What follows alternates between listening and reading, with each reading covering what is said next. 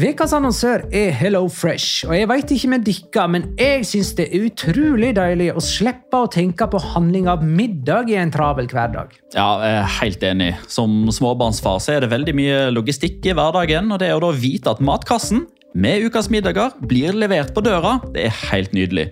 Da slipper du impulskjøp på butikken når blodsukkeret er lavt, og når du kommer hjem, kan du bare ta ut posen med dagens ingredienser fra kjøleskapet og sette i gang matlaginga. Ja, Du kan velge mellom 25 ulike retter hver uke. Og de har faktisk en egen kategori som heter Raskt og enkelt, med masse enkle og gode oppskrifter. Veldig greit å ikke måtte ty til takeaway hver gang det er hektisk på jobb. Jeg gleder meg spesielt til sterk chilikylling i min neste kasse. Jeg blir sulten bare av å tenke på det. Ja, Det er ikke feil med bacon og cheeseburger heller, da. Og det som også er bra, er at matkassen koster det samme hver uke, som gjør det enklere å holde matbudsjettet. Ja, og så blir det ikke matsvinn heller, fordi du får akkurat det du trenger til hver eneste rett. Hello Fresh kan absolutt anbefales, og bruker du koden vår, LIGALOCA, kan du få opptil 1779 kroner i rabatt på de fem første matkastene hvis du ikke har prøvd Hello Fresh tidligere. Du kan også prøve koden hvis du har avslutta abonnementet ditt for tolv måneder siden eller mer. Gå inn på hellofresh.no og bruk koden LIGALOCA. Bon appétit! Hallo? Jeg kommer fra Oslo politikammer. Ine Jansen er purk. Er du purk? The motherfucking bitch. Alt jeg vil, er å finne ut hva som skjedde med mannen min. Jon Carew. Er jeg sikta for noe? Iben Akeli. Det er du. Ole So, Lars Berrum og Big Daddy Karsten. Hvem sin side er du på, egentlig? Anette Hoff, Tone Danielsen, Kommer du fra Afrika? Jørnis Josef, Nesten. Kløfta. Trond Espen Seim. Det er synd å si det, men det var feil mann som døde. Purk. Premiere tirsdag på TV2 Play.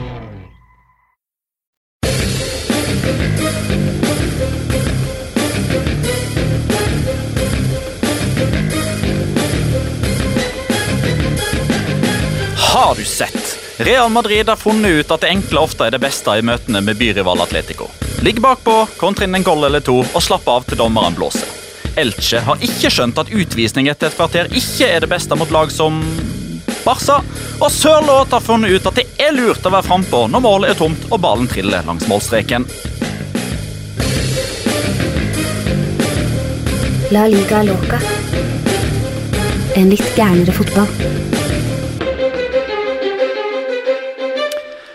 Ja, ja, ja, og hjertelig velkommen skal du være, kjære lytter, til en eh, ordinær episode av eh, La Liga Loca. Dette er episode 218, eller 219, som Marca og La Liga antageligvis hadde regna seg fram til. eh, Med deg, Robert Lewandowski, Tech, Jonas Giæver, hei, hei.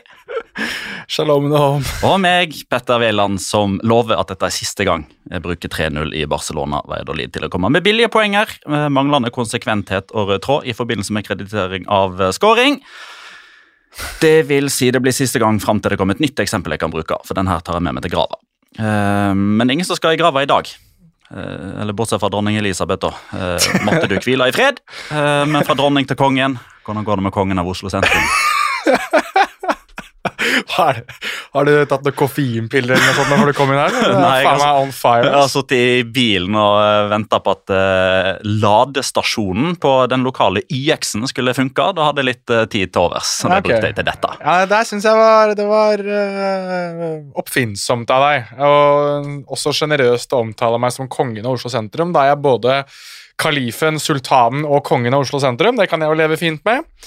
Eh, småsliten, det må jeg si jeg er. Eh, litt sånn eh, døgnvilt i disse dager, og mye fotball og jobb og ja, det ene med det andre, så det er mye som skjer. Men det stopper jo ikke fotballklokka fra å tikke ubønnhørlig hver eneste helg. Um, nå har vi jo det som kalles landslagspause, eh, og akkurat denne gangen så syns jeg begrepet pause kanskje er litt riktig. Mm. For det har vært mye fotball på kort tid. Um, Det har det.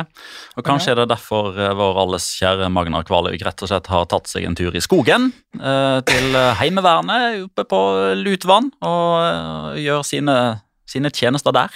mm. Eh, jeg dimitterte og har aldri fått brev i, i bakkant, så eh, jeg tror jeg slipper unna. Nei, jeg slapp unna på, med dårlig syn, jeg. Eh, og Ja. vel at det egentlig det første spørsmålet du får på side 1 er har du lyst til å være en del av militæret, og da krysset jeg på nei.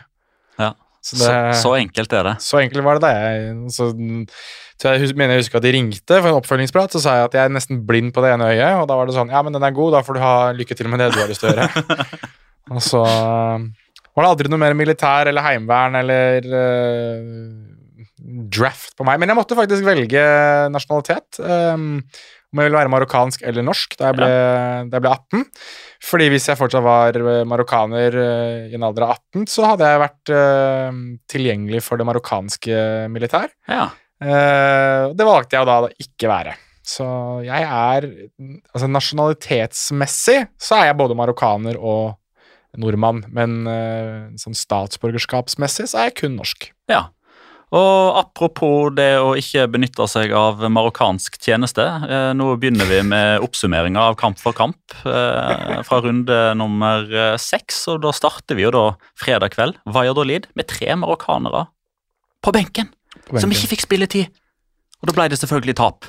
Skal du gå gjennom alle sammen, eh, sånn som Magna gjør, eller skal vi kjøre litt sånn eh, adhoc med deg og meg? Veldig kjapt. Ja. Bare sånn at eh, hvis, hvis lytterne nå har vent seg til at de kan skru av når Magnar er ferdig, hvis de bare vil ha resultatene, så skal de få det nå òg. Og så skal de slippe oss resten. Kjør. Men vi håper du blir med, kjære lytter, videre.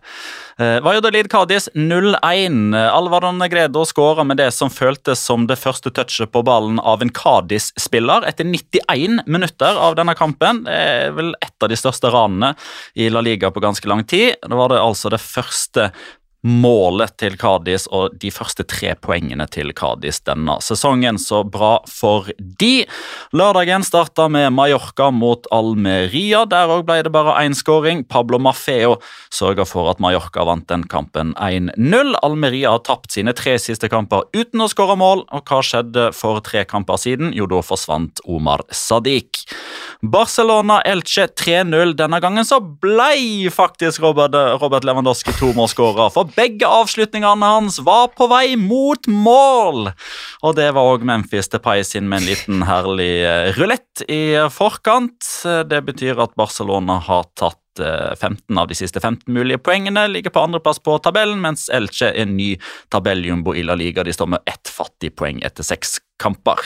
Valencia vant med samme sifre, 3-0 mot eh, Celta Vigo. Skåringer av Samuel Lino, Marcos André og André Almeida. Valencia har skåra ti mål denne sesongen, fordelt på ni forskjellige spillere. Atletic Rayo Vallecano, der skåra gjestene fra Madrid først og sist ved henholdsvis Oscar Trejo og Falcao. Du skal få lov til å fortelle hvor fantastisk den skåringa var litt seinere, Jonas, men uh, Atletic snudde kampen. Injaki Williams skåra, Nico Williams skåra, og Oyehan Sanset Williams uh, skåra òg. Det folk ikke vet, er at han er deres uh, mellomste bror. De er faktisk brødre, alle de tre. Nei da, de er ikke det. Det bare føles som at det er Williams overalt i Atletic for tida. Ikke bedriv ranglære nå la det være andres oppgave. Helt riktig. Osasona Retafe 0-2. Osasona hadde tatt ni av ni mulige poeng på hjemmebane før Retafe kom på besøk. De hadde ikke vunnet borte mot Osasona på ti år. Hva skjer da?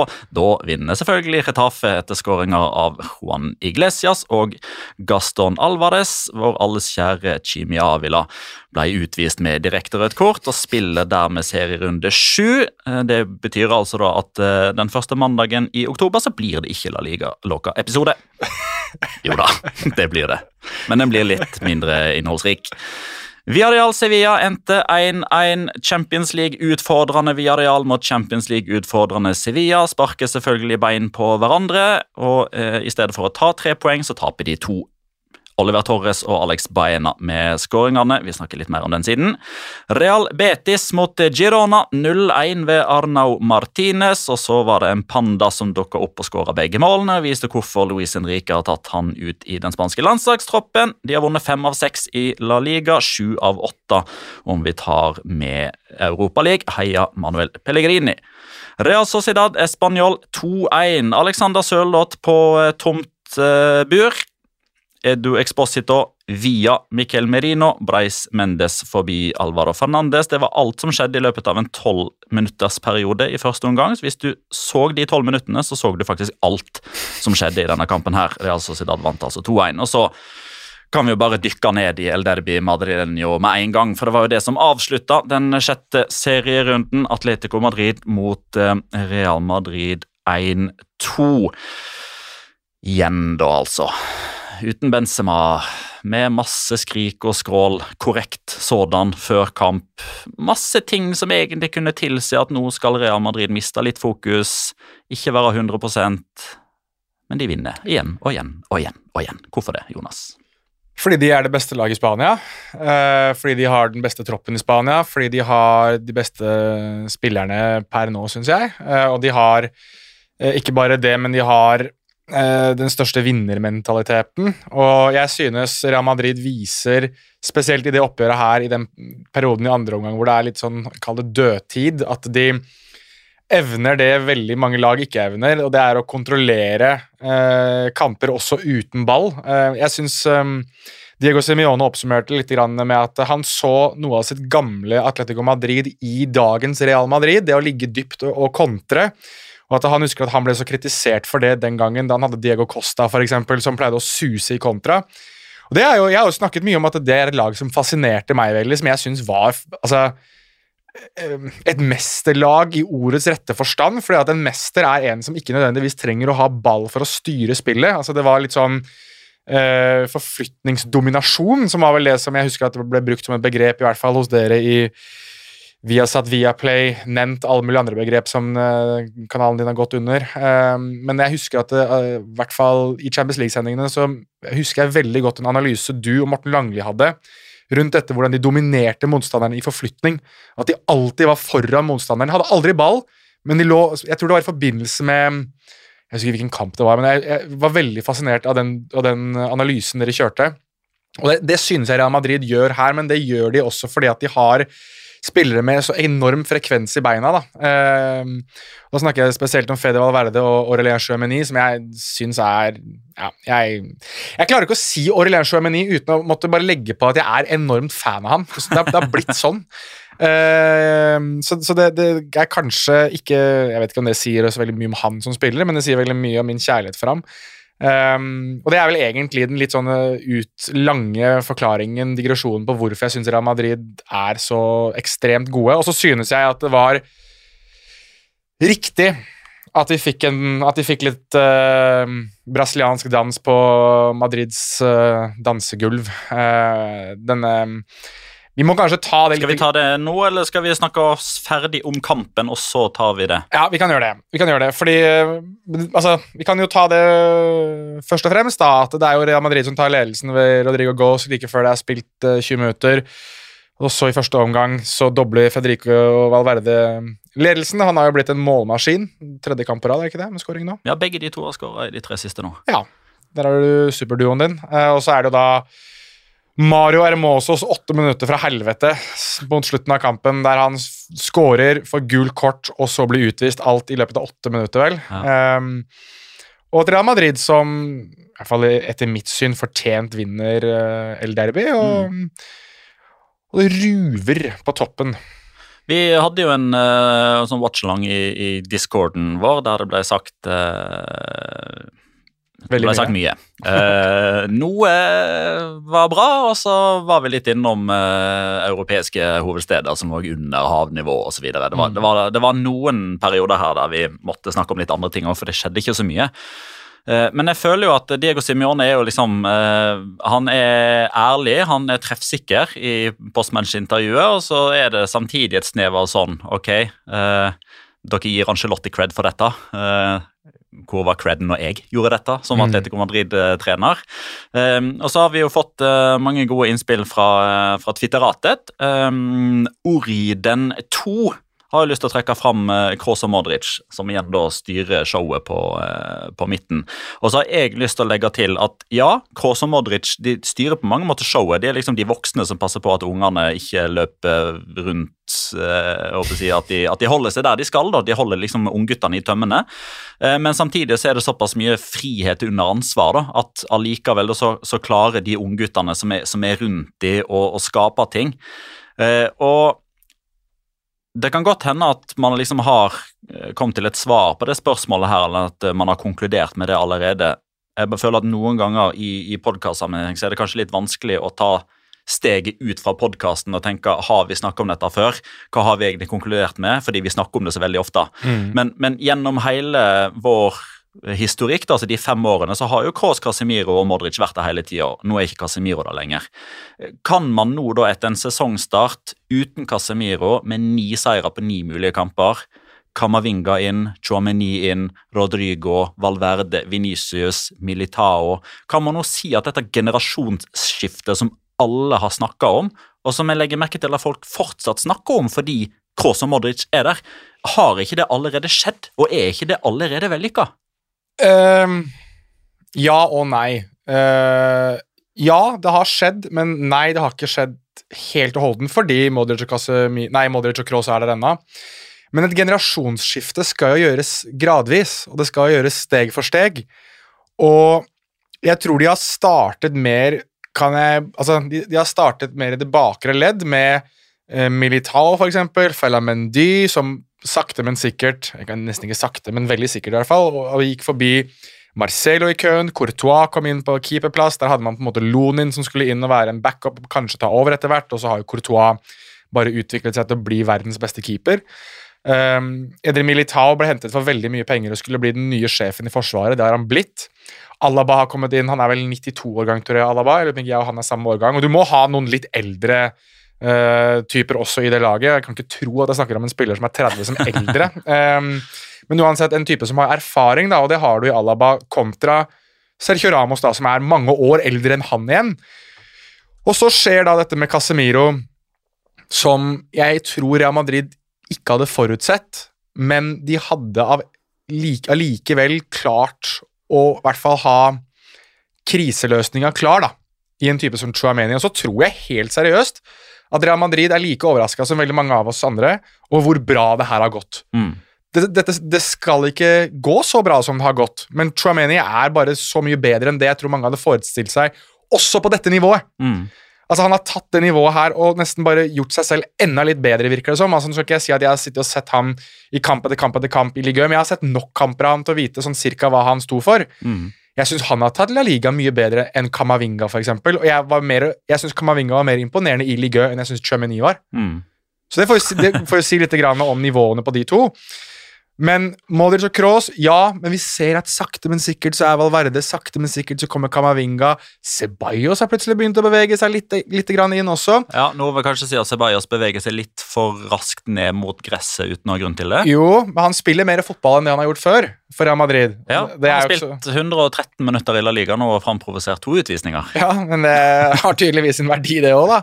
Men jeg synes uansett, altså der, du, der du ser at endringene har kommet, det er jo selvfølgelig i det baksledde og selvfølgelig med Venicius, som var Når vi snakket om det generasjonsskiftet og den, den nye Real Madrid, så var jo Venicius stjerna. Det var han som det var bygd rundt, sammen med Martin Ødegaard. Det var de to som skulle være stjernene, og så skulle jo da Mbappé og Erling Braut Haaland selvfølgelig komme og innvie det nye Santiago Bernabeu. Men nå har det kun egentlig kun Venicius der. eh, Av alle de fire som jeg husker ble utheva mest av spesielt Marca. Og det virker som han er nok. Altså Venicius er nok, og det er tydeligvis nok med han og Rodrigo. Og det er liksom sånn Du sitter og ser hvor gode Real Madrid er nå, og så tenker du sånn altså, kom, altså Er det plass til Karim Benzema? Altså Kan Benzema komme inn i det laget her? Altså eh, Klarer han å forsvare en plass? Og selvfølgelig, det er jo sagt litt grann med, med glimt i øyet, fordi selvfølgelig skal Karim Benzema inn i det laget her igjen, men samtidig så er det en fjær i hatten til hvor gode Real Madrid har vært på å finne uh, andre løsninger. og dette her mener jeg også er noe som gjør at vi må rangere Carlo Ancelotti som en av de aller fremste trenerne i verden noensinne. For det ene ankepunktet mot han, sammen med det at han ikke vant nok ligatitler Nå er han den eneste treneren i verden som har vunnet alle topp fem-ligaene, så det argumentet forsvinner. Men det andre argumentet var at han var dårlig på det å få inn unge spillere og, og la unge spillere få en mulighet, og se unge spillere blomstre. Det har nå skjedd. Og det virker som om det kommer til å skje denne sesongen her i, i mye større grad. Og da er liksom Det er liksom ikke så mange ankepunkter mot han lenger, da. Eh, vil det si at eh, når Viktor Hallnes da kommer med et eh, forslag der vi skal argumentere for eh, eller imot eh, om Real Madrid kan forsvare både La Liga og Champions League-trofé denne sesongen, og han legger ansvaret over på deg for å argumentere. Ja, er det det du har gjort nå? Nei, fordi jeg tror fortsatt Barcelona vinner seriegull. Eh, så vi kan godt snu de rollene, hvis du har lyst til å argumentere for. Uh... Jeg tror Barcelona vinner. hva sier du, Viktor? Eh, ja, ok, han ikke. Ja, nei, jeg, jeg tror Barcelona vinner, men det er jo litt fordi jeg, som jeg har sagt tidligere, eller da vi hadde um, sesongoppkjøringsepisoden, så sa jeg at jeg trodde Barcelona kom til å vinne seriegullet, og det står jeg på. Og det har noe å gjøre med at jeg tror etter hvert som Champions League begynner å dra seg til, og Real Madrid kommer til å ha ett, to, tre feilskjær, så tror jeg Barcelona ryker ut potensielt litt tidligere, og kommer til å legge alle eggene i kurven på, på La Liga, og jeg tror Altså det, det er som jeg har sagt hele veien med, med Barcelona, de, de har ikke råd de, til å ikke vinne. De må. Altså, Real Madrid kan. Real Madrid ja, det har vært gøy. Barcelona må. Det er forskjell på det å måtte vinne. Mm. Men, kan- men kan ikke det bli ei litt sånn felle, at de må? At det, det blir for mye press internt? At det blir for mye konsekvenstenking? Jo, selvfølgelig kan de jo det, men, jeg, men det er der du har de spillerne som de har hentet inn nå, da. Spesielt typer som Lewandowski, eh, som jeg tror kommer til å være som, altså, En mann lever jo lever jo en helt annen verden enn resten hva angår press. Altså, han jeg, har sagt det før, det, det var mange som prøvde å ta meg på det på Twitter, jeg, jeg forstår argumentene, men jeg, jeg har aldri sett en fotballspiller, eller i hvert fall en, en signering for Barcelona, som har vært like endrende i hvordan vi anser en fotballklubb som Robert Lewandowski til Barcelona. Og så var det noen som mente ja, hva med Neymar, hva med Luis Suárez? Helt greit, men Messi var der allerede. Altså, de var allerede en storklubb, de var allerede gigantiske, de hadde allerede endret hvordan vi anså fotballen. Ronaldinho endret hvordan vi anså Barcelona over natta da han signerte for, uh, for Barcelona under Frank Rijkaard. Lewandowski har da over den natta han signerte, tilsynelatende også endret hele Barcelona. Det, det, er, det er helt Nei, det, er- du, du bare endrer hele paradigmet da, ved, ved å signere én fotballspiller. Og det gjør at jeg tror Barcelona ehm, Selvfølgelig Lewandowski og en del av de andre signeringene. Altså Condé, Rafinha, eh, Christensen, som jeg syns ser ut som han begynner å komme litt mer inn i laget. Kessi, Kessie, som jeg syns ser ut til å begynne å komme mer inn i laget. Altså Til syvende og sist så tror jeg bare summen av hele Barcelona gjør at de går forbi Real Madrid. Men jeg kan godt se for meg Real Madrid vinne Champions League. Det kan jeg se for meg. Mm. Um, veldig kort da, i et forsøk på å være mot Polen her. altså Jeg hadde jo Real Madrid som seriemester på mitt eh, tabelltips før sesongen, så der kan jo egentlig bare ja, jeg ser, ser liksom ikke noen grunn til å endre på det når de står med full pott etter, etter seks serierunder. Altså, altså jeg vil jo på bakgrunn av at Barcelona har hatt en tend altså det, det, det er to veldig sterke tendenser da for disse to lagene her, hvis vi isolerer det ned til Real Madrid og Barcelona. La oss glemme Atletico Madrid og Sevilla i Champions League-sammenheng. Um, så, er det, så er det ganske sterke tendenser der som har vært der litt over tid nå, som jeg tror er vanskelig å bryte opp. Det og dette her med at Real Madrid alltid, i hermetegn, vinner Champions League. I hermetegn, sant? Ja, ja, Men, ja. men altså, var det noen som skulle ha de syke snuoperasjonene forrige sesong og vinne 1-0 mot Liverpool i finalen, så var det Real Madrid. Mens Barcelona har hatt for vane å smuldre opp på bortebane, og da har avansementet røket over to kamper. Eh, og selv om de nærmer seg spillemessig veldig, så tapte de fortsatt 2-0 mot Bayern München. Jeg er litt sånn usikker på hva slags, um, hva slags feeling Barcelona-spillerne og Xavi egentlig satt igjen med. For jeg, jeg tror Barcelona er en så stor klubb at de ikke helt klarer å ta til takke med at ja, ja, men vi presterte jo bedre. Jeg tror de følte på tap igjen, og at, uh, at det kanskje kan sitte i når, når sluttspillet kommer i, um, i eh, ut, ut på våren der. Så, sånn sett så mener jeg at eh, det, det laget som har størst sjanse til å vinne Champions League fra Spania, er Real Madrid, og det Ja. største, beste laget fra Spania har alltid muligheten til å vinne Du snakker- League. Så. Du snakker ut på våren, altså etter VM. Ja, etter VM, ja. Tenk det. Um, 18 av 18 poeng foreløpig for Real Madrid. Um, Eirik Lieng lurer på hvor mange poeng serievinneren i 2022-2023 får. Uh, så kan jeg fylle ut spørsmålet med Vi skal vel over 90 igjen, skal vi ikke det? Etter Jo. et par magre år. Ja, det tror jeg. Eh, men jeg tror at dette her blir den første serien på en stund der vi får to lokomotiv.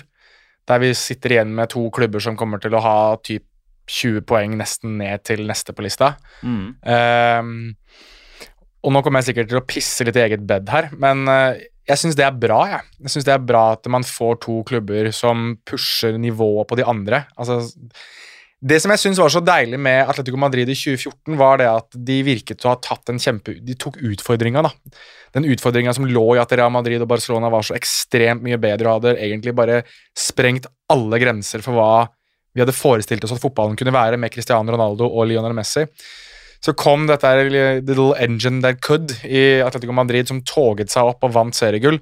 Jeg håper jo at vi, selvfølgelig ikke over en 10-15-20-årsperiode, men, men kanskje over to-tre år får to lag som bare pusher resten til å følge på.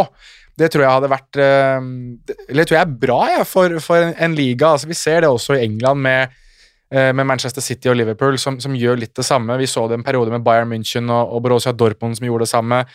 Eh, I Italia så hadde du for så vidt bare ett lokomotiv, og det var Juventus, men, men du har på en måte hatt Inter og Milan som på en måte har endret litt. Og nå ser vi jo en liga der den er mye jevnere enn noensinne i, i Serie A. Eh, I Spania også så har man Ja, man har sittet igjen med Atletico Madrid, Real Madrid og Barcelona, men runde var det 36 eller 37, så var liksom Sevilla fremdeles oppe og trodde de kunne vinne ligaen forrige sesong. Og det er selvfølgelig det er et sunnhetstegn, og det er gøy, det, men, men samtidig så tror jeg bare at eh, det å, for å få ligaen til å bli enda bedre, og for å få toppnivået til å bli enda bedre, så trenger du noen til å pushe de som er bak. Og det mm, har jeg i hvert fall håp da, om at uh, Real Madrid og Barcelona kan gjøre. Og så skal jeg selvfølgelig fortelle alle og enhver at jeg hadde syntes det var dritgøy hvis Atletic Klubb eller Real Betis plutselig skulle ende opp med å utfordre om en ligatittel denne sesongen.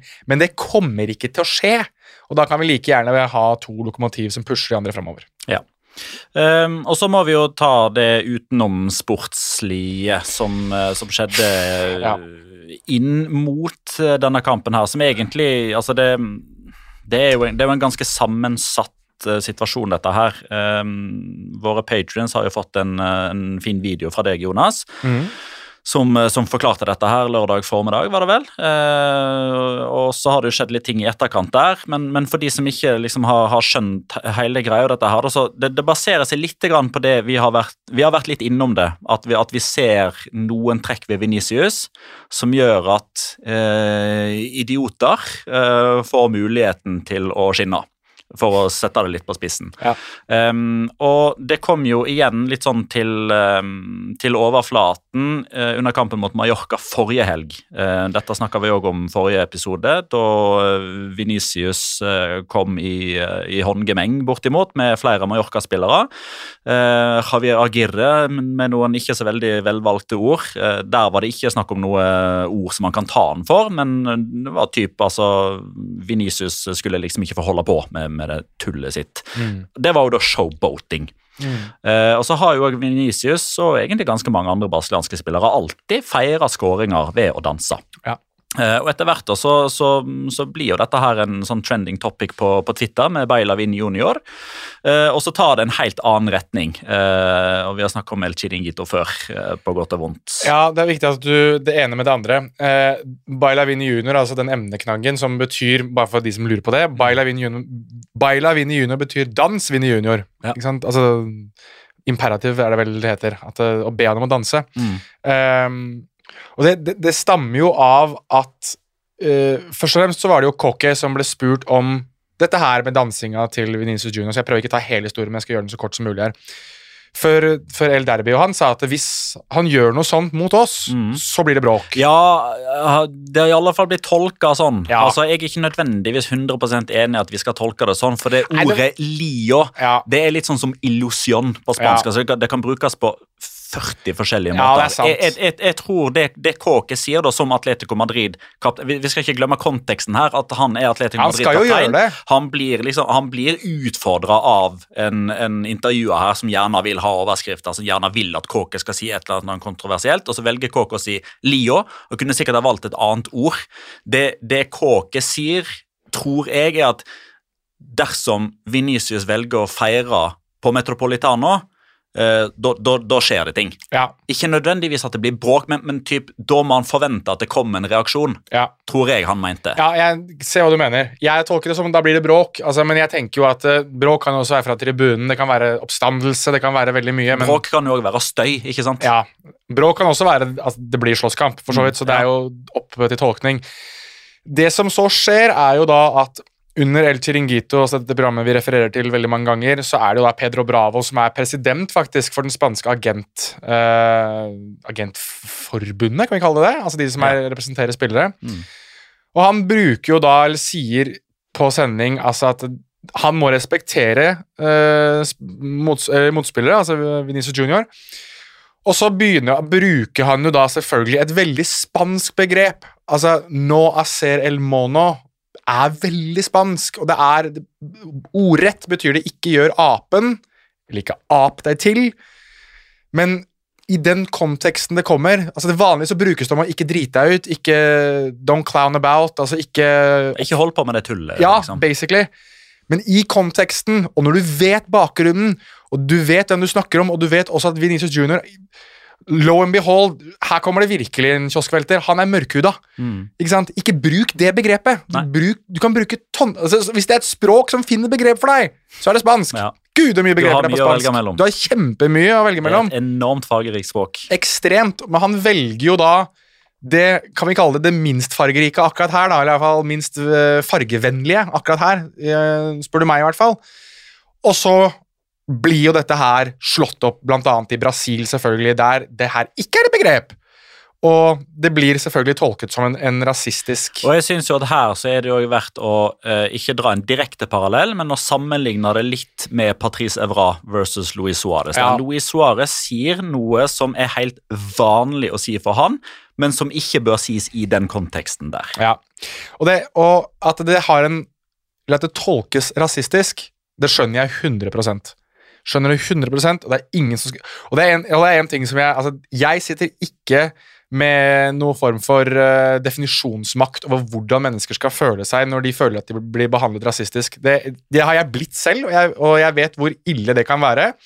Og jeg, Hvis jeg har opplevd det, så lurer jeg på hvordan det er for andre som kanskje er mørkere i huden, eller som ser annerledes ut enn det jeg gjør, som opplever det sikkert daglig, ukentlig, månedlig. Jeg gjør ikke det engang.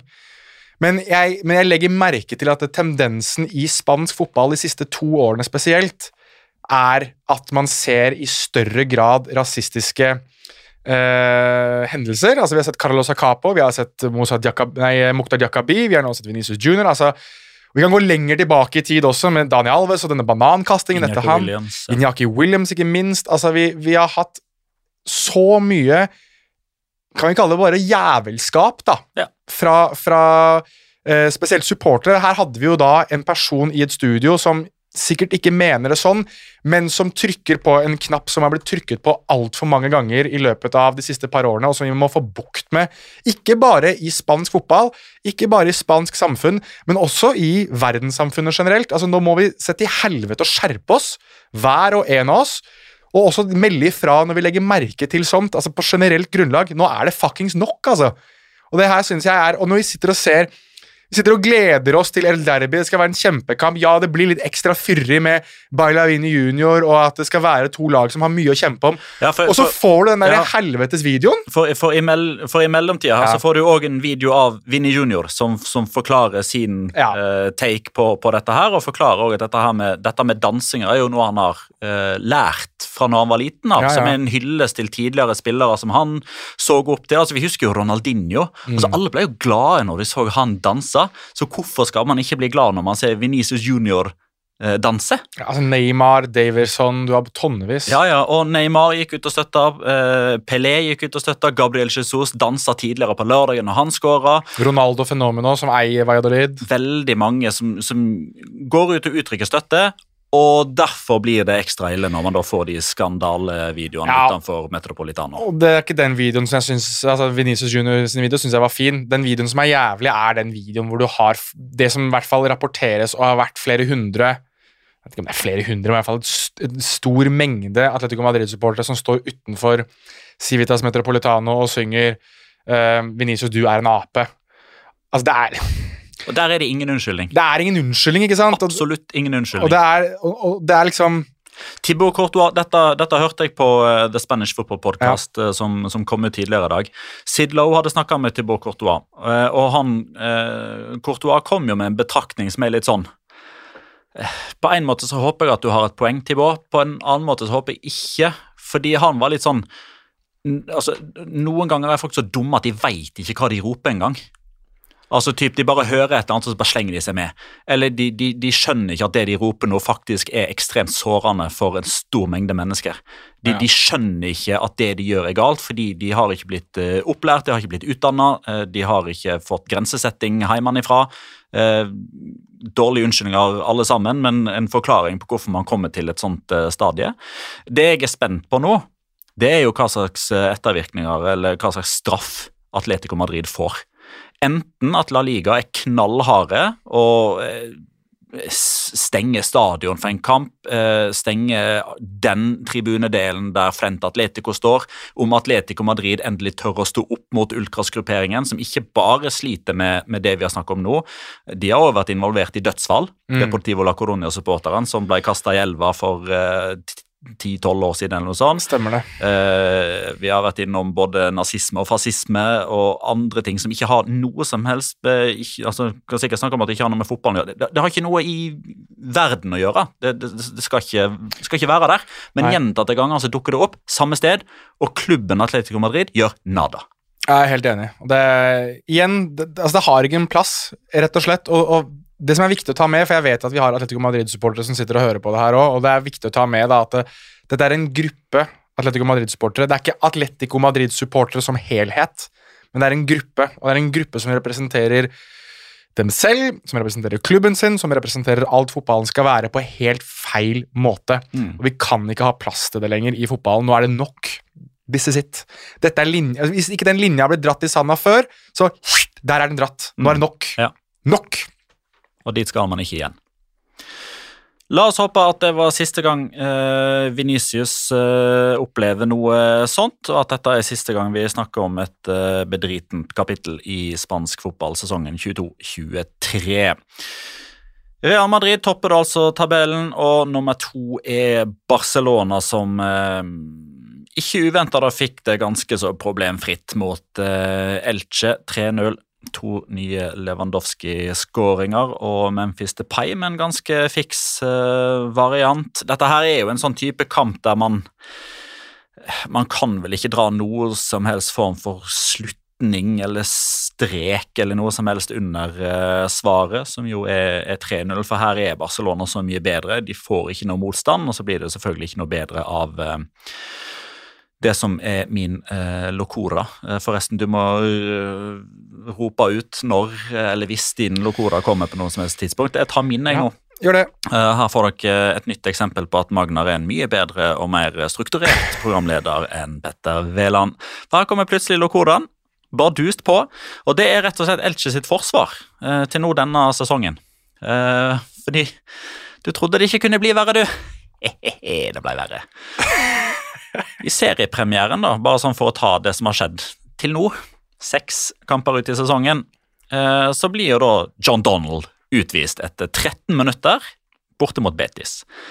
Eh, og med mann så blir det jo vanskelig, og det blir jo verre når en Soroco driter seg ut. Det var den smått fantastiske der han trodde ballen var ute av spill, og så Ja, var den ikke ute av spill, og så skåra vel Juanmi.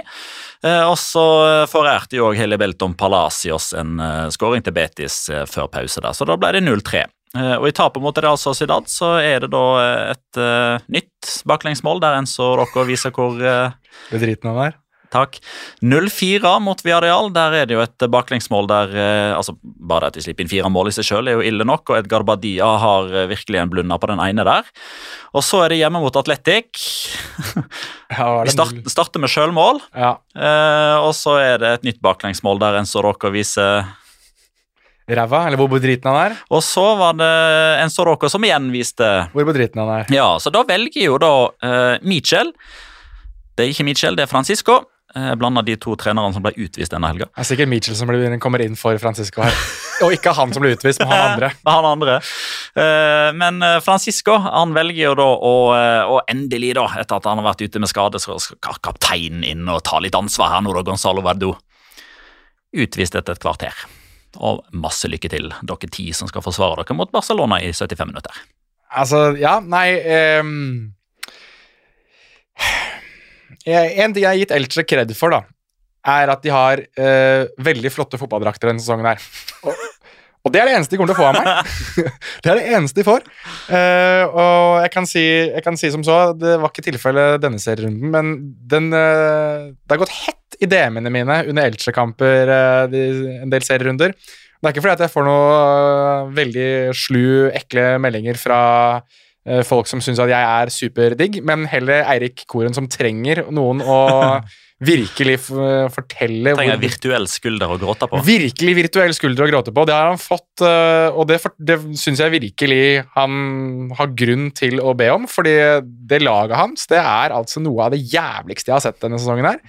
Um, og jeg blir litt sånn, Det er så elementære feil som gjøres gang etter gang etter gang, og her var det jo for så vidt også De kunne jo ligget under med 0-3 til pause. Det var jo en scoring som ble, som ble annullert her, Eh, men, men altså de Nei, jeg jeg tror at vi snart kan gi Elche en riktig så god klem og sende dem rett ned til Segunda. Altså hvis det her, eh, for her er det liksom det er ingenting. Det er ingenting å hente. Og du kan liksom Ok, Lucas Boyer, det er jo gøy at han fremdeles er der, at de klarte å beholde ham, men det er ikke sånn at de får brukt han så fryktelig mye. Altså, jeg helt Ponce Ja, ok, Javier Pastore er der et eller annet sted, vi har ikke sett ham på en stund. altså det eneste som var oppløftende her, var jo at Enzo Rocco satt på benken, men det hjalp jo ikke så fryktelig mye, det heller. Og jeg synes liksom ikke at Ok, Federico Fernandez er hentet inn for å være en sånn stødig kar i forsvaret, og han spiller jo ikke. Og da er det liksom Pedro Bigas, liksom. Det er, hva er det, hva er det igjen da? big ass. Big ass. Altså Nei, jeg syns rett og slett altså det, det, det det laget her hadde trengt, er Oril Romeo. Ja. Som signerte for Girona. Altså, Bare hatt en, en hardhaus som går inn og setter standarden og bare sparker ned en eller annen tidlig for å liksom fortelle at vi er ikke til å kødde med. Men det er jo ingen som gjør det i det laget her, ikke sant? Og det mm, De blir løpt i senk, og de har liksom ikke den der ene dynamoen ute på bekken. altså Det må kanskje være en av de største nedgraderingene å gå fra Johan Mojica til Carlos Clerc, eh, men ikke sant? Så det er, det er veldig lite å hente i dette Elche-laget. da, Eh, Og når de da møter eh, Barcelona som bare sånn ydmykt kan bytte inn på Gavi, Rafinha, Ansu Fati og Ferran Torres i den kampen her, da er det ikke mye å hente, ass. Nei. Eh, Men de, for, de forsøkte jo å klamre seg til et eh, halmstrå utover den første omgangen her, da, Elche, og det var jo å Altså, her er et nytt eh, sånn eksempel på at det ene ikke nødvendigvis trenger å utelukke det andre. For jeg er helt enig med, med Frode Fotballfrosk i at det var vel både Lucas Boyer, Gerard Gombao og jeg lurer på om Raoul Guti var sistemann. For det var, tre situasjoner der Frank Kessier var litt uvøren med arm- og albuebruken sin. Den første får han gult kort for, Ja. den andre får han ikke gult kort for, men en siste advarsel, og så skjer det en tredje gang. Og han kommer jo ikke ut etter pause, fordi Chavi skjønner at her lever Frank Kessie på, på låntid, men s- skulle han ha vært utvist? Skulle nok det. Skulle nok det. Altså, hvis, hvis du gir gul kort for det én gang, så skjønner at det er en siste advarsel der, men på tredje så er det, det er rødt kort. Og jeg skjønner at, eh, at Elche Jeg så at Peremia var ute og meldte veldig på Twitter. Og det var, det var eh, en i denne redaksjonen her som prøvde å få han ut på skråplanet ved å spørre han kan du forklare.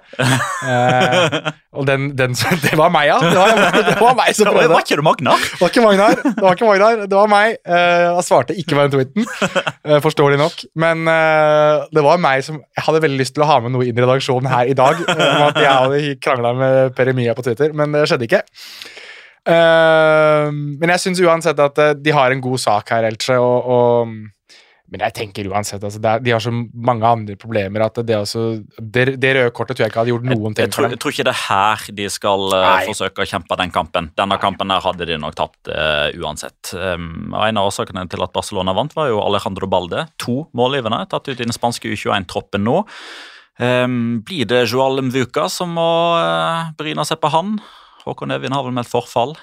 Det blir kanskje det. Ja. Eh, Et lite tips til Joel Mvuka om å kanskje legge inn et par ekstra treningsøkter i løpet av neste uke. Der har du min uh, rundspiller, faktisk. Ja. Uh, jeg synes at han Altså, to målgivende Han er det er mange som stilte spørsmål litt sånn Hva gjør man nå når Jordi Alba ikke spiller? Og at det plutselig var sånn at Jordi Alba var på vei til Inter i løpet av overgangsvinduet mot slutten der. At folk var litt sånn Oi, er det, er det, er det prov på at eh, på at det er et eller annet som skjer, at det er noe som ikke fungerer i, uh, i Barcelona. Og det som egentlig bare skjer, er at uh, Alejandro Balde har vist at han tydeligvis har et nivå som ikke ligner grisen. Jeg synes I den kampen her så er han helt ekstrem, og jeg mener å huske at han hadde også han hadde et løp der, jeg tenkte at hvis han skyter her nå, så kommer han i hvert fall til å teste keeper.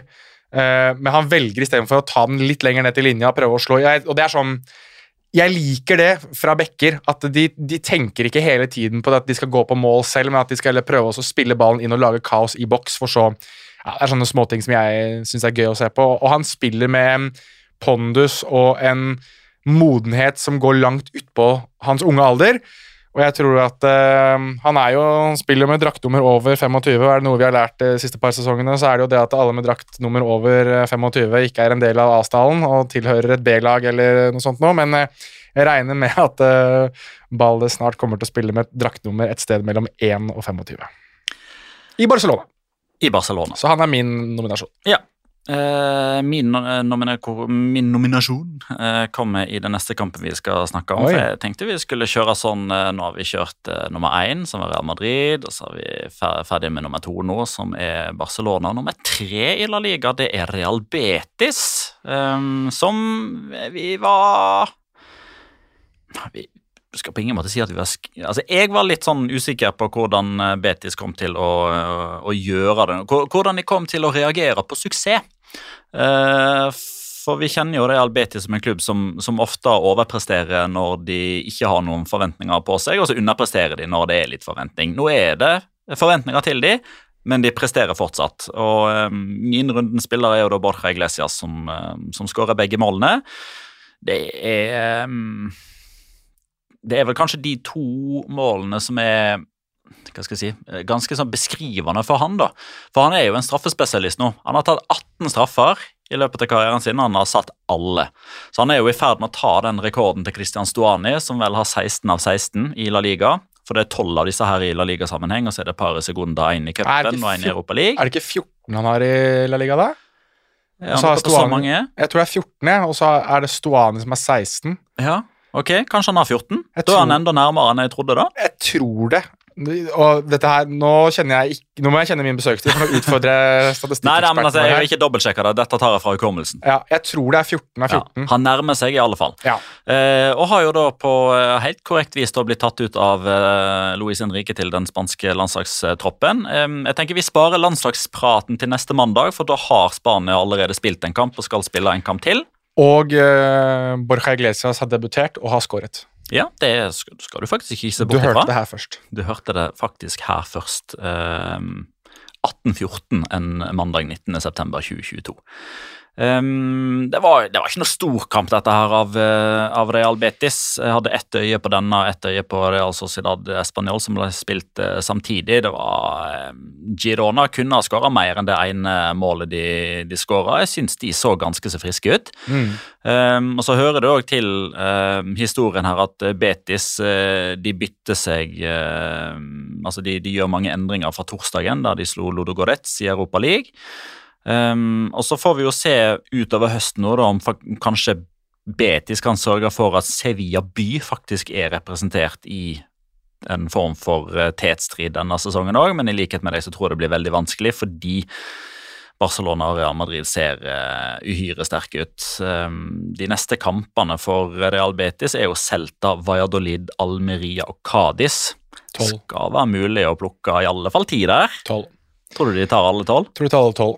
Ja. Jeg gjør det. Jeg, men igjen, er, selv om han ikke er kledd i swanky treningsdress lenger, så er Manu Manuel Pellegrini er eh, like moteriktig. Altså, sånn, og da tenker jeg også Han ser jo ikke som at han er en dag over 72. Nei, Han kler seg bedre enn meg, eh, og han ser bedre ut enn meg òg.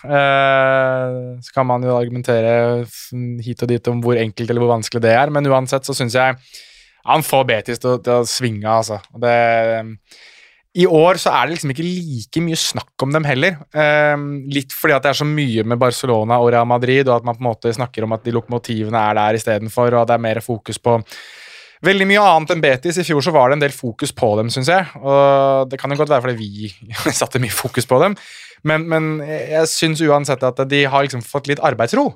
Uh, og det kan jo være det som har gjort at de, de gjør det såpass bra som de gjør det. Så Neste Europaligakamp.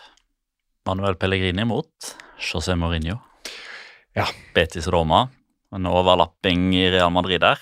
Ja, det er jo holdt på å si eh, på å si, nest, Jeg sa nesten failed Real Madrid-treneres derby, men de er jo ikke failed, noen av dem. For han ene har den beste recorden noensinne, og han andre vant jo faktisk ligatittelen med Real Madrid, så eh, Ja, det blir en, de, de er på hils, regner jeg med, i hvert fall, de to. Eh, og kan mimre tilbake til de glade dager. Atletic ligger på fjerdeplass. De slo Rayo Vallecano med, med 3-2. Skal, skal, vi- skal vi kvittere ut den uh, Falcao-skåringa med en gang? Kan gjøre det. Eh, det var jo Da vil jo jeg komme med mitt poeng først. da. Ja, gjør det. Abdul Mumin, som kom inn til sin Rayo-debut. Det første han gjør, aller første La Liga-spark i karrieren, setter i gang et angrep som ender på følgende vis. Mumin er jo for øvrig eh, engelske navnet på Mummitrollet. Så vet du det. The Moomin er uh, Mummitrollet på Så det, han er jo da Det kan vi ha det mye gøy med utover Vi kan ha det fryktelig mye gøy med Abdul Moomin. Ehm, så får vi se om han finner ehm, Om kanskje Falcao fortsetter å være snusmumerikken inne i boksen, men uansett så Nei, jeg fikk en sånn Jeg ble nesten litt sånn småemosjonell da jeg så den skåringa til Falcao, fordi det er jo en typisk goalgetter-scoring der han det er et innlegg som slås på første stolpe, og der Falcao smetter inn foran forsvarer og får egentlig bare bladet av foten sin på ballen. Den, den har en slags bue som går over keeper og i nettveggen på andre siden. Altså, det er Og, jeg, og det er sånn Den skåringa der jeg har jeg sett Falcao skåre så mange ganger, men det var den Falcao som var verdens beste spiss på et tidspunkt. Altså den beste nummer ni i verden. Altså, Vi har jo en del unge lyttere som kanskje ikke husker det, eller som kanskje var veldig unge da det her var tilfellet, men Falcao i Porto, og spesielt Atletico Madrid, var et unikum av en fotballspiller. Og det var ikke bare fordi at han var god til å avslutte, men han avsluttet på så ekstremt mange måter. Og vi snakker i dag om at det er Erling Braut Haaland med kung fu-spark og sånn. Dette var ting Falcao nesten gjorde ukentlig på et tidspunkt. Altså Han var høyt og lavt, bokstavelig talt. Og her fikk vi bare et lite glimt av det Falcao en gang var, som minnet oss om den storheten og den stjerna og den tigeren han virkelig var. Og det synes jo en fotballnostalgiker og sikkert en fotballromantiker som meg var veldig godt å se, men samtidig veldig vemodig, fordi det minner meg også om at Tenk om ikke han hadde hatt alle de skadene han har hatt med knærne sine. Tenk om vi bare hadde fått ha Falcao skadefri gjennom hele hans karriere.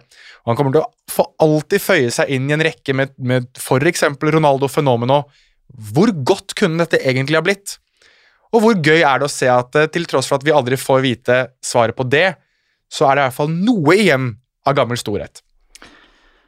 Kjenner det at eh, når denne episoden kommer ut, så må jeg høre gjennom det som er etter rundt Hva står det på timestampen her? 50-45. Rundt fem, ja, så liksom fra 48 og ikke da. For det eneste jeg har sittet og tenkt på nå de siste tre minuttene Hvem er Hufsa i La Liga? Uh, stor og stygg og skummel. Ja, Representerer frykt. Aurel Romeo. Ser litt ut som Hufsa òg, faktisk. Ja, det er mer Voldemort over han, kanskje. Så hvis vi skal inn i noe annet eh, Men det er jo litt, mm, er litt trist, egentlig, at uh, Graham Potter ikke trener i La Liga. men ja, nei, Hufsa, ja. Det godt uh, Det må vi komme tilbake til. Stor og stygg, og dette hadde jo vært eh, Hjelp meg. Gamle Levante kjøttstopper. Sergio Ballesteros. Ja, Ja. han er litt sånn Hufsa. Ja, jeg tenker litt Leo Baptistao, jeg, av en eller annen merkelig Nei, grunn. slutt da. tror- nei, men det er ikke pga. frykt, og sånn, men rett og slett pga. smilet til Hufsa. Eh, For hvis du krysser Hufsa med uh, Wallace eller Gromit Jeg husker ikke hvem de sier. Ikke hunden, men han andre. Det er Wallace, tror jeg. Ja, han, uh, Samme smil som Leo Baptistao. Ja, riktig. samme, samme med Hufsa. Uh, nå sklir vi enormt ut her, så vi må få dette på rett spor. Takk FH Abrahamsen på Twitter. Atletic ser bra ut under Valverde. Kan de nå Europa? Ja. Jeg syns jeg er det laget som har blitt bedre jeg, fra fjorårssesongen. Jeg syns uh, Atletic Club ser Altså, De ser så gode ut offensivt. Altså, Jeg vet ikke hva det er Ernesto Valverde har gjort i den tiden han ikke har trent fotballag, men det han har gjort, har tydeligvis vært Han har vært fotograf, tatt bilder. Ja, da har han så valgt tatt bilde av veldig mange angrepskonstellasjoner og hvordan han kan få det meste ut av et lag med veldig mye angrepstalent, tror jeg. Fordi disse, altså, disse ulike Atletic-spillerne virker som de har fotografisk minne av hvor alle er på banen hele tiden, for de finner hverandre som uh, Nei, Jeg vet ikke hva jeg skal sammenligne med engang, altså, men det er uh, de tar et par Kodak-øyeblikk og, og, lagrer på netthinna, og så skaper de god angrepsfotball gang etter gang etter gang. Nico Williams uh, har jo virkelig begynt å få sitt uh, gjennombrudd nå. Vi skal snakke mer om det om ei uke, men bare en kort kommentar til at han er tatt ut i landslagstroppen. Er det utelukkende basert på sportslig prestasjon? Du stiller jo spørsmålet til en marokkaner da, som en gang i tiden som Monir El Haddadi spiller to minutter for Spania for å være låst uh, fra det marokkanske landslaget. Nå har jo det siden blitt endret på, da, men jeg Kynikeren i meg tenker jo at det er noe i at bror Inyaki nylig ble tatt ut for Ghana, og at det potensielt sett kunne ha vært veldig fristende for Nico å ville spille for Ghana og spille et VM sammen med bror. Så det er nok en del kynisme i det også. Og så vil jeg bare få lagt ved at jeg syns det er litt gøy, for nå skal vi inne på en annenligakjenning, at Ghana virker å være den nasjonen som aldri får brødreparene, men som bare får én av brødrene. og potensielt sett den dårligste broren hver, hver, eneste gang, fordi de fikk jo da Kevin Prince Boateng, som vi husker fra Barcelona. Det er selvfølgelig der vi husker ham best fra. Istedenfor Jerome Boateng, som spilte for Tyskland og vant VM. Og nå får de da Inyaki Williams, som ja, er bra, men jeg tror Nico Williams, som kanskje spiller for Spania, blir enda litt bedre. Så Ghana har liksom eh, De sitter igjen med the short end of the stick hver gang. Kanskje får eh, Williams sin Ghana-debut mot Brasil på fredag klokka 20.30 på V-sport1. Eh, og da noen stoppa meg for to år siden på gata og sa vet du hva, Petter, om to år så skal du kommentere Ghana med Inyaki Williams, da sa jeg jeg tror på deg. Og så vokste nesa mi fire centimeter rett etterpå. Den så jeg ikke komme, men eh, det skal vi altså gjøre. Atletic nummer fire, altså. Nummer fem, Osasona til tross for 0-2 hjemme mot uh, Retafe. Dette her er jo en um, Altså, Mange vil kanskje si at dette her var liksom en av de tristeste kampene i serierunden. Det er liksom ikke så mye spetakkel rundt Osasona Retafe. Jeg satt og storkoste meg, for det ble delt ut tolv kort. Ja, jeg syns ikke det her var uh, verdens morsomste kamp, jeg skal være uh, ærlig med deg der. Men jeg syns når da La Ligas klammeste hånd, bedre kjent som Jacoba Arrazate, møter Kiki Sanchez Flores, som tydeligvis bare svetter igjennom alt som er Da har vi ikke engang nevnt General Gattuso ennå.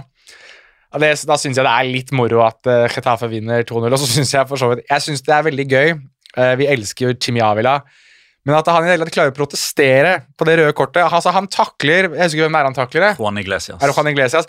Han takler han så hardt at han river i stykker den ene sokken hans, eller i hvert fall river den ned. Så ja, altså, han altså, Jimmy Avler brukte, uh, han brukte knottene til å ta Altså brette ned sokken til fotballsokken til Juan Iglesias. Ja.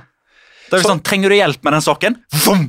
Ja, det er uh, egentlig en veldig god lydimitasjon av sånn som jeg trodde at det faktisk hørtes ut da Chimi Avila gjorde det. Men det, det, gøyeste var jo at han protesterte. Og det, det som var gøy eh, altså Forlengelsen av hvor gøyt det her var, var at da han marsjerte av banen, så rev han av seg drakta også, Chimiavila. Det er så mye forbannelse og sinne og spetakkel i, i ett og samme, eller en og samme sekvens der. Men um, det oppsummerer Jimmy Avila, som sikkert skulle sette seg på hesteryggen og ri hjem etter kampen. Så synes jeg det var gøy også at Louis Mia passet på at det skjedde ikke så mye i debuten hans, så da passer på å bli utvist på slutten der. Ja. Og da var vi ferdig med den kampen. Uh, sjetteplassen er det Viareal som holder. Viareal Sevilla 1.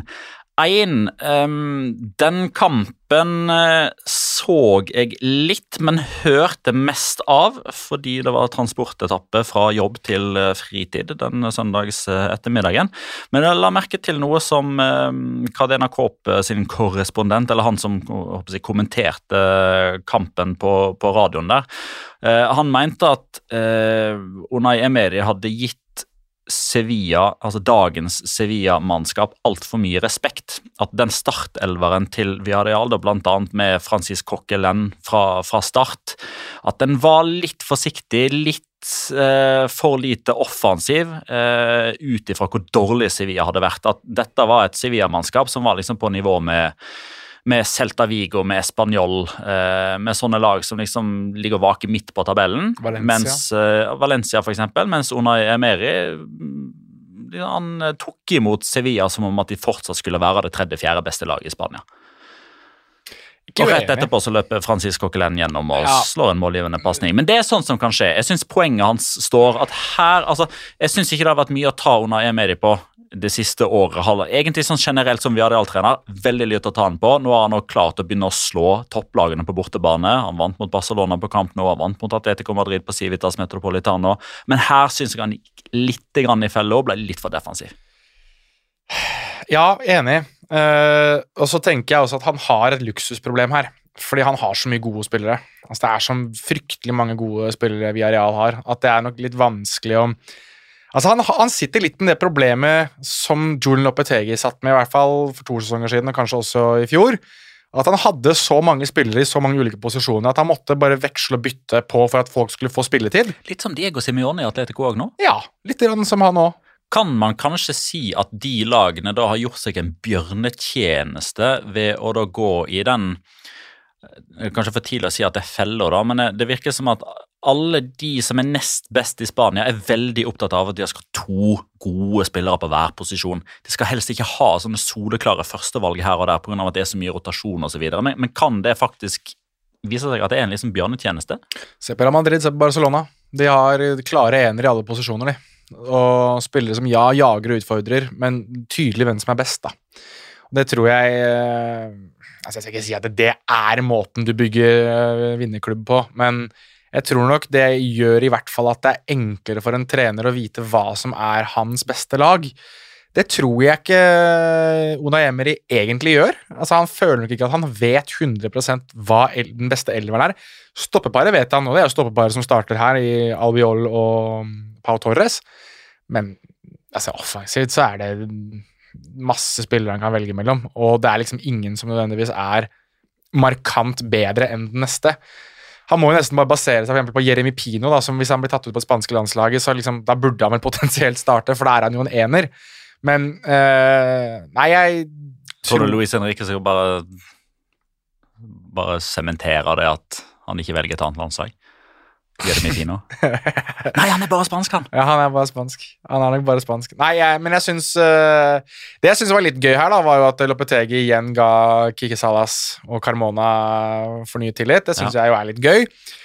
Men så er det jo litt den derre eh, Var det her siste kampen til Julen Lopetegi som Sevilla-trener? Jeg går for ja, altså. Ja, altså, jeg ser både altså, Marca, AC Stadio Deportivo, eh, Daria- Diario de Sevilla Alle skriver jo liksom Altså, alle stiller det samme spørsmålet, men ingen kommer med svaret. Eh, fordi Sevilla er en litt sånn kinkig situasjon der. Fordi José Castro, som er president, han kan jo per definisjon gjøre som han vil, så lenge han får det gjennom i, i styrerommet. Eh, men hvis han begynner å overprøve Monchi da tror jeg vi er på ville vidder eh, på Sevilla sine vegne. For Monchi er en enormt sterk karakter. Og det som er problemet for Monchi, er at hvis han nå i midten av september føler at Lobetegi ikke er riktig mann Det var han som sto på eh, barrikadene og trumfa gjennom at Lobetegi ikke skulle bli sparka i mai. Eh, så, så han er en litt sånn uh, Han er skvist mellom to stoler. Han står litt i spagaten, Monchi. Hvis han nå har endra mening, så kan det fort være mye kritikk som går hans vei. Men liksom, ok, skal det ikke mer enn en dårlig sesong sesongstart til, så mister du troa på mannen du trumfa gjennom ikke skulle få sparken i mai. Spørs det hva de har budsjettert med, da. Uh, hvis de tenker at de, de budsjetterer med å spille Champions League eller til og med europafotball Ak- Akkurat nå så er jo det potensielt sett i fare, det å komme seg til Europa. Ja, de er åtte poeng bak Atletic. Ja, ikke sant? Så, og det var jo en ting som ikke var tilfellet i mai. Altså, Jorge Sampaoli Det var ikke langt unna, men Jorge Sampaoli var ikke tilgjengelig i mai. Og hvis det er en, kanskje en av veldig få trenere som har forlatt Sevilla uten at det har blitt noe særlig bråk, det er jo han og Joaquin Caparros egentlig, som er de to eneste, virker det som, så er det jo Jorge Sampaoli som forlot Sevilla fordi han ville trene Argentina. Og nå er Jorge Sampaoli tilgjengelig igjen. Og han hadde mye suksess med Sevilla, og han tok de ut i Europa. Og han var den som nesten tok de til, sesong, eller til ligatittel uh, for en god del år siden. Altså den som gjorde det før Lopetegi var nær ved å gjøre det. Så det er liksom, skal de, skal de, ansette en ny trener nå, så er jo den treneren de kanskje hadde foretrukket, ledig på markedet. Den tid jeg ikke tror at f.eks. Pochettino ville tatt den jobben, da. Mm. Men eh, skal man sparke ham, så er det jo nå, mener jeg.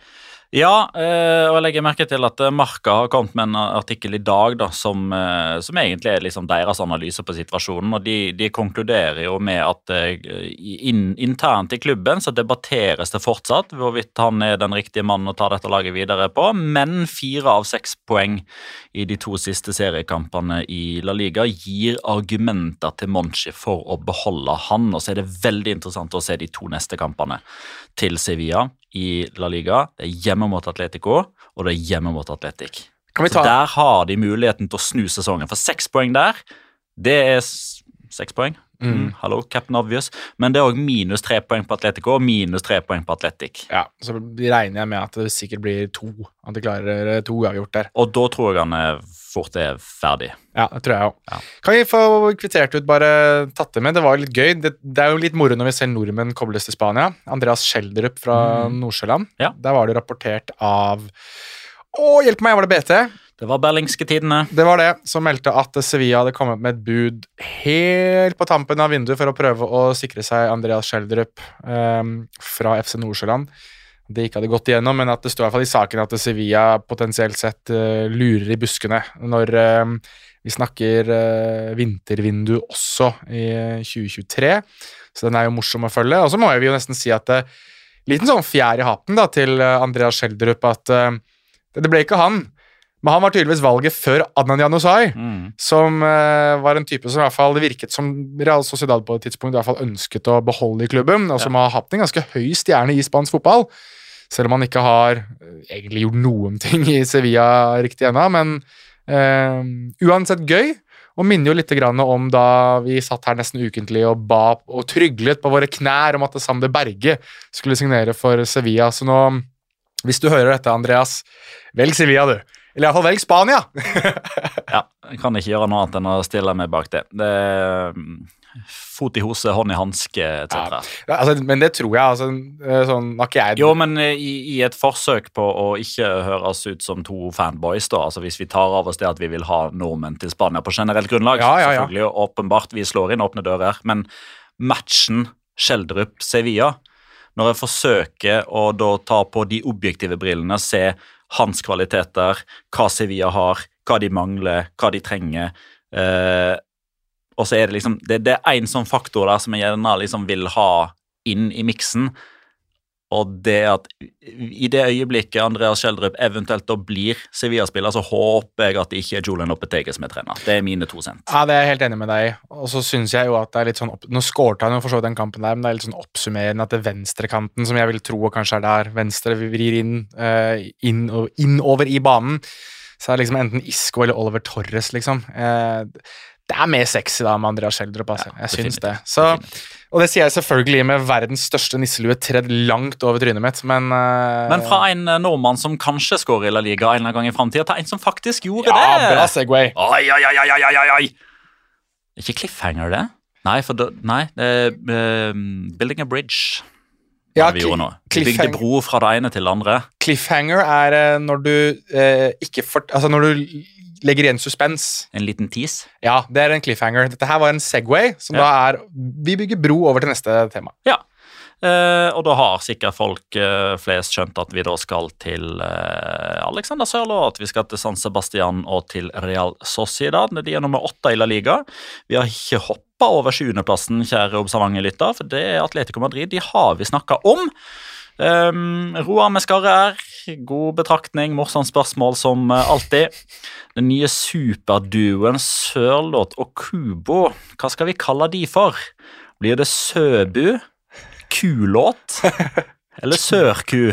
Jeg syns Kulåt var eh, ufattelig bra. Sørku var også ganske morsomt. Sørku eller Kulåt? Sørku. Kulåt. Kulåt. Hadde dørvakten sluppet inn Kubo på en spansk nattklubb? Åh, den er sterk. Den er veldig sterk. Ja, jeg, jeg tror eh, Jeg tror det. Sånn som han serverer eh, dørvakten nå, så tror jeg han hadde kommet inn eh, nesten hvor som helst. Altså Hvis, hvis Kubo fortsetter å servere sørlåt på det viset, her, da blir vi dritings på skåringer utover høsten. Jeg, jeg satt og tenkte på det, og dette her er sånn min uh, tullete hjerne fungerer. Men jeg, nå gleder jeg meg sånn ordentlig til uh, Lareal møter Mallorca. For da får du japanske Kubo og norske Sørloth mot sørkoreanske Kangin Lee og kosovo-albanske Vedat Morici. Det er liksom Det er eh, League of Nations, ikke Nations League, men League of Nations som møtes. Uh, og superduoene som du kanskje ikke skulle tro ville blitt superduoer, som møtes uh, på på hver sin banehalvdel. Men nei, jeg syns Her var jeg jo litt sånn overraska over at Kubo overlevde det at han regelrett ble sparka ned før Alexander Sørloth kunne um, kunne brese inn ledeskåringa. Men ja det, Alvaro Fernandes han hadde vel eh, kanskje potensielt Han har i hvert fall fått eh, straffe mot seg, men eh, kanskje også et eh, kort av en slags litt rødligere farge, tror jeg. For det Ja. var nedkvesting. 2-1 da til Real Sociedad. Det var samme sifre som de slo eh, Omonia Nicosia med på eh, torsdag. Det betyr det at Alexander Sørloth er en del av en eksklusiv kvintett med norske spillere som har skåra i to offisielle kamper på rad i Spania. Jon Carew, ikke overraskende. Han har gjort det tre ganger. Litt mer overraskende, Dan Eggen. Han klarte faktisk det, tilbake i 2001. Og så er det Dark Horsen, som folk kanskje ikke tenker over, foruten du, for det var jo i Valencia-sammenheng, det òg. Dag Alexander Olsen. Dag Alexander Olsen skåra Ah. i tre på rad for eh, B-laget til Valencia, også kalt Valencia Mestalla. Og så gjorde jo Martin Ødegaard det da mot Real Madrid og Mirandes i 2020, og så har Alexander Sørloth gjort det nå, også. får vi se da om han kan eh, kopiere trippelen til Dag Alexander Olsen når Real Sociedad møter Girona neste gang. Men før det så har han banka inn masse mål for Norge, og det har òg Jørgen Strand Larsen gjort fordi han møter ikke Georgi Mamardashvili i landskampene. Ja, det er kun et uh, georgiansk Eller ja, det er det det blir. Georgiansk monster som stopper Jørgen Stian Larsen for å få sin første Altså, det er en av sesongens Ja, redninger. han hadde en miss òg, det skal sies. Vi, vi kan ikke unngå å nevne den, men den redninga der, altså. Den er vill. Ja, det er helt spinnvilt. Og, altså, så mye kraft som Jørgen Strand Larsen, Jorge Playa, får i, uh, i den headinga. Og altså, jeg, jeg, jeg lar meg fascinere av hvordan de har klart å finne han der keeperen i fjellene borte til Tbilisi, liksom. Det er helt signert ny kontrakt nå til 2027, så det er jo alle Valencia-hjerter gleder seg. Men hva faen har de funnet han her, da? Altså, han er jo monster av en keeper. Og, men, det er kun, men det er kun en keeper som han da, som kan stoppe den headinga til Jørgen Strand Larsen. Ja. Um, jeg syns Jørgen Strand Larsen har Han kan være fornøyd med de første kampene sine i La Liga, altså de første tre kampene sine, der jeg syns han har hatt enormt gode involveringer i alle kamper. Og jeg tror han At det blir min brannfakkel. Men jeg tror han kommer til å skåre flere mål denne sesongen enn det Alexander Sørloth kommer til å gjøre. Mm. Jeg, jeg føler at Jørgen Strand Larsen kommer til å skåre 7-8 denne sesongen her, og jeg tror Sørloth stopper på 5-6. Syns han ble snytt for straff, jeg. Det gjorde sikkert ikke du. Nja Nja Jo, han gjorde nok det i tidlig kampen. Du tenker på uh, Kømert sin uh, ja. Kømert som var Kømert? uh, Det skal fram til? Ja, eller Var det, var det Kømert, eller var det Diakabi? Jeg tror det var Kømert. Ganske, det må ha vært Kømert. da. Selvfølgelig er Kømert. Han som finner på Du veit at det er Mokhtar Diakabi og potensiell straffe i egen boks vi snakker om? Ja, men det er mer hens, det er mer, mer sånn kaste seg rundt, og det er mer Altså, her er det jo rett og slett at uh, han blir lurt. Vi sklir ut på ti. Eh, sjokk. Eh, Valencia de hadde niendeplassen, det var derfor vi snakker om de eh, nå. Men en morsom ting her, igjen, og jeg vet at du hater det, men vi må ta det med. Jeg syns det er gøy når General Gattuso står og feirer med supportere, og står og river supportere i eh, jakker og Ja, men det er klart det, det er klart det er gøy, men var ikke det broren? Var det det? Jeg synes det, det, Hvis noen hadde sagt til meg at det der var broren til Gennaro Gattuso, så hadde jeg, jeg hadde slukt det rått. Det er veldig stereotypisk av deg å si eh, kar med skjegg og litt middelhavsutseende, men ja, greit, vi kjører videre. Ja, det, altså, Jeg har fått tilsendt i discoen vår bilde av en halvtjukk skandinav på Parken. og så Er det Petter Wæland? Jeg lo av det, jeg. Ja, Kjør på. Hva har du skrevet på, da? At jeg visste hvem det var. Riktig! Ja, Det er en svenske som heter Jonathan Johansson eller noe sånt, og er Sevilla-supporter. Okay. Naturligvis. Derfor var han i Parken når Sevilla spilte der. Ikke sant. Eh, Valencia altså da tre seire, tre tap. Maybe, eh, sometimes maybe good, sometimes maybe shit. Han lever opp til eh, den frasen godeste Gattuso. Tiendeplassen er Mallorca. Det er fordi de slo eh, Almeria med 1-0. Har du noe du vil si om den kampen, bortsett fra Pablo Mafeo skårer med huet igjen? Nei, Da sa du hva jeg skulle si. Ok, da går vi videre. Nå ikke mye mer å si om den kampen her, tror jeg. Nei, det var ikke noe mer å si om den kampen der, og da har vi vel bare én kamp igjen, tror jeg. sant? Vi har snakket om den, den, den, den, den, den, den og den.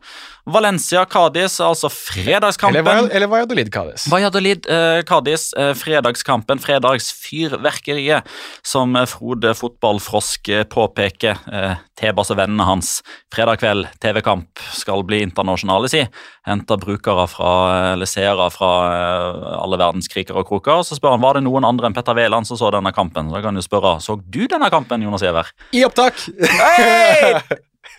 Det, Det er sjukt, det! ja, det, det sier sitt. Uh, ja, ja, man, altså Er man La Liga-synser? Man er jo ikke ekspert, man er jo synser. Men uh, vi synsere vi liker å se det som er å se, vi, og mm, prøver å få med oss det som er av La Liga-fotball. Uh, så det um, Men jeg så vel denne kampen litt grann fordi jeg var nysgjerrig på altså, Kadis vant endelig og skåret endelig et mål. Og da følte jeg at jeg måtte vie denne kampen de 90 minutter den fortjente.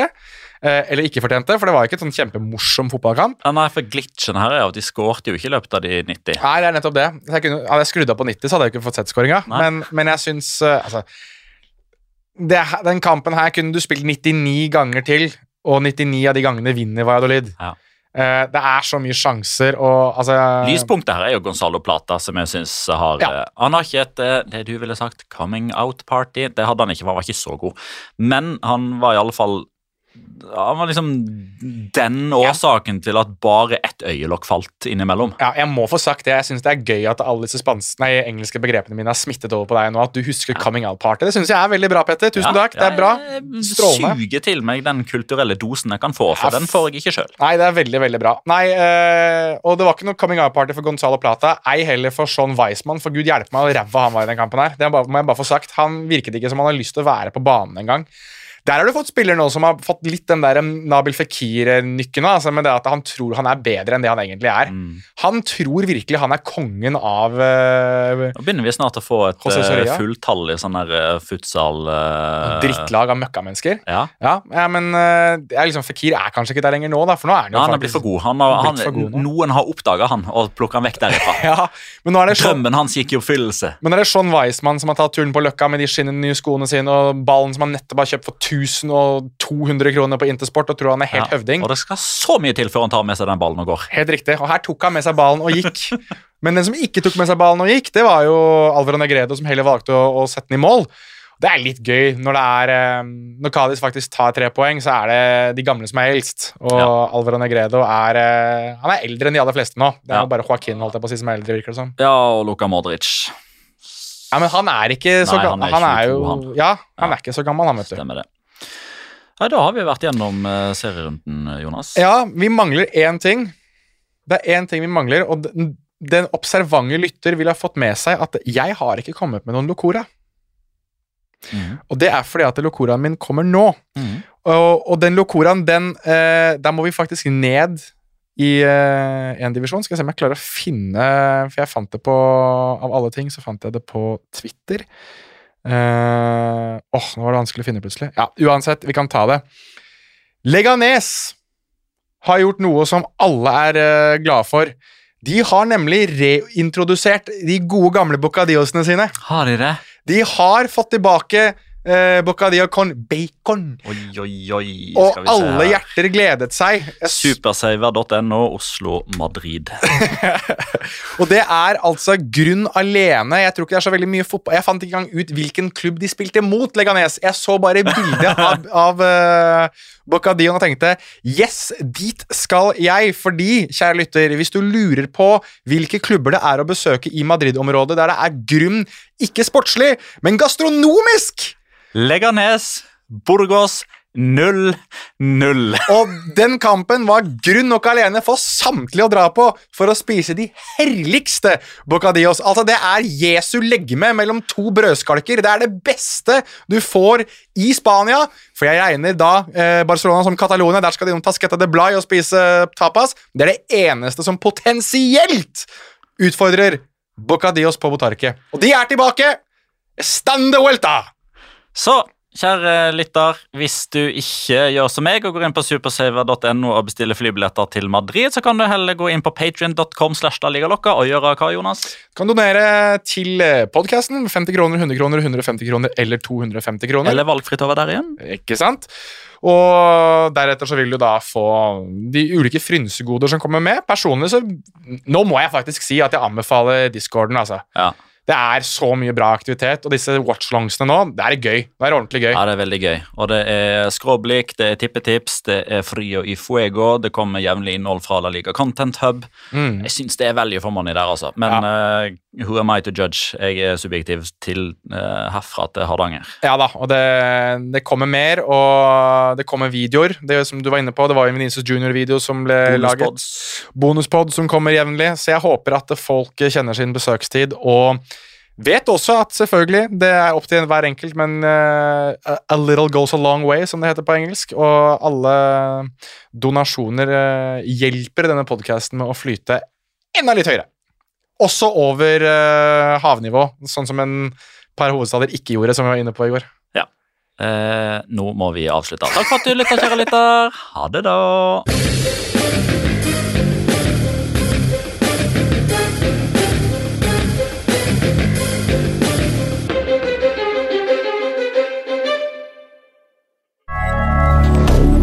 Moderne media. Har du et enkeltpersonforetak eller en liten bedrift? Da er du sikkert lei av å høre meg snakke om hvor enkelt det er med kvitteringer og bilag i fiken, så vi eh, gir oss her, vi. Fordi vi liker enkelt. Fiken superenkelt regnskap.